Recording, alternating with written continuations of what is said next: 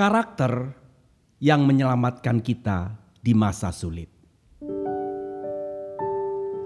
Bahwa kekuatan yang menyelamatkan manusia di masa sulit bukan hanya pengetahuan dan keterampilan yang dia miliki, tetapi ketabahan, kesabaran, keberanian, ketekunan, kemauan untuk belajar dan berjuang di bawah tekanan semua itu adalah karakter.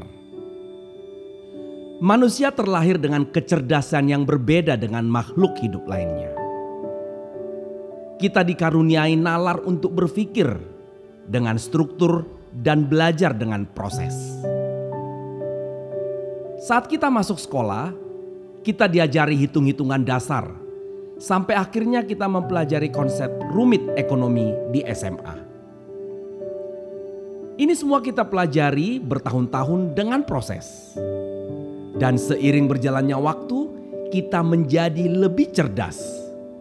Karena kita terbiasa menghadapi soal-soal dari guru yang diulang, diputar, dan dirumitkan. Bisa dibilang kecerdasan ini adalah kecerdasan yang tumbuh dengan waktu dan rutinitas keahlian Anda dalam mengerjakan sesuatu yang praktikal bisa disebut sebagai skill. Jadi, apa yang terjadi jika kita tidak masuk kelas seminggu? Lalu, tiba-tiba kita harus menyelesaikan soal yang rumit. Tentu, kita tidak bisa menyelesaikan soal yang diberikan karena tiba-tiba kita tidak punya waktu untuk mencerna permasalahannya, dan langsung disuruh mencari solusinya. Ini tidak bisa terjadi kalau kita tidak punya skill yang cukup, bukan? Lantas, apakah kita langsung masuk kategori gagal? Mungkin, tergantung bagaimana cara Anda melihat masalah ini.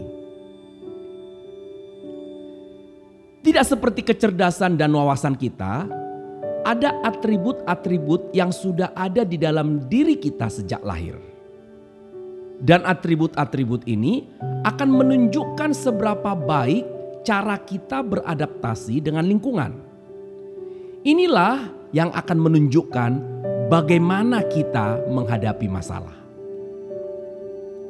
Tingkat kesabaran, ketahanan, dan cara kita beradaptasi akan menunjukkan bagaimana saya akan belajar dari permasalahan.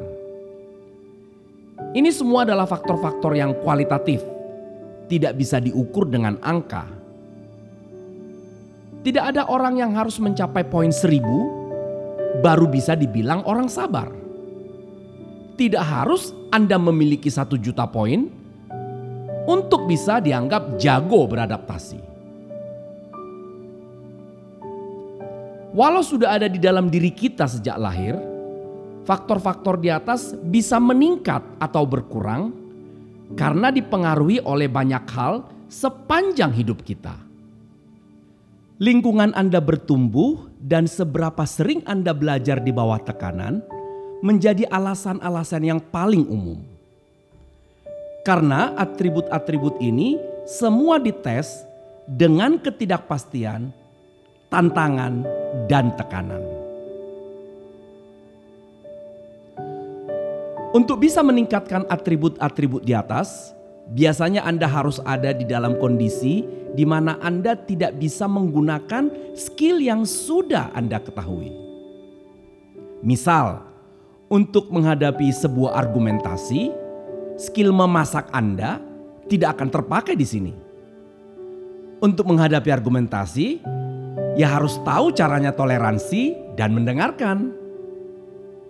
Karena skill yang kita pelajari dengan peraturan dan struktur mendorong kita untuk menghadapi kondisi-kondisi yang kita sudah antisipasi. Contoh, cara naik sepeda, skill yang kita pelajari, otot kaki atau keseimbangan. Tubuh kita akan mengingat tubuh kita bisa menjalankan karena kita tahu situasi naik sepeda dan otot-otot kita sudah tahu cara mengendalikan sepeda. Berbeda di saat Anda ada dalam kondisi yang tidak pasti dan tidak tertebak solusinya. Contoh, dapat teguran dari atasan karena performance Anda kurang baik. Di saat inilah kita menggunakan atribut-atribut kita tadi, kesabaran, ketahanan, dan lain-lainnya. Jadi, apakah penting memiliki kecerdasan dan wawasan yang luas? Sangat penting. Tetapi, apa artinya skill yang advance jika tidak diseimbangkan dengan daya juang dan kesabaran? Mereka yang berbekal skill dan karakter akan tahu bahwa kegagalan dan masalah justru menjadi sumber sumur ilmu. Karena mereka akan terus ditempa, dilatih, belajar, dan berkembang bertumbuh. Konsep finite dan infinite players. Mereka yang finite players akan berlatih terus-menerus dan mempersiapkan diri agar ketidakpastian itu tidak akan datang. Karena mereka takut akan ketidakpastian. Jadinya, di saat ketidakpastian datang, karena proses berpikir sudah selesai di awal, mereka kesulitan untuk beradaptasi dan berimprovisasi. Finite player hanya akan siap untuk hal-hal yang sudah terencana. Mereka akan panik di saat ketidakpastian datang. Kebalikannya, infinite players menerima dan tidak menyangkal ketidakpastian mereka tahu bahwa selalu ada potensi hal yang tidak terencana terjadi. Dan mereka menerima fakta itu dengan baik. Sehingga proses berpikir terjadi justru di saat masalah datang. Infinite players dituntut untuk cepat beradaptasi dan menyesuaikan diri di bawah tekanan dan stres. Mereka tidak menyerah karena gagal, atau menyalahkan sekitarnya di saat ada kesalahan. Infinite players mengerti bahwa ada kemungkinan yang tak terhingga. Mereka adalah orang-orang yang memegang teguh moto seribu jalan menuju Roma. Ini bukan tentang benar atau salah atau hitam atau putih saja. Seperti yang saya bilang di awal, bahwa banyak faktor yang membuat atribut-atribut seseorang lebih kaku atau lebih fleksibel dibandingkan dengan orang-orang lain. Namun dengan mengetahui perbedaan-perbedaan ini, kita jadi mengerti apa yang bisa kita improve dari diri kita. Nah, sebagai penutup, di era new normal ini, mau tidak mau, kita harus bisa belajar menjadi infinite players. Gesit dalam mencari solusi walau sedang tertekan. Ayo, maksimalkan atribut-atribut yang kita punya di dalam diri kita.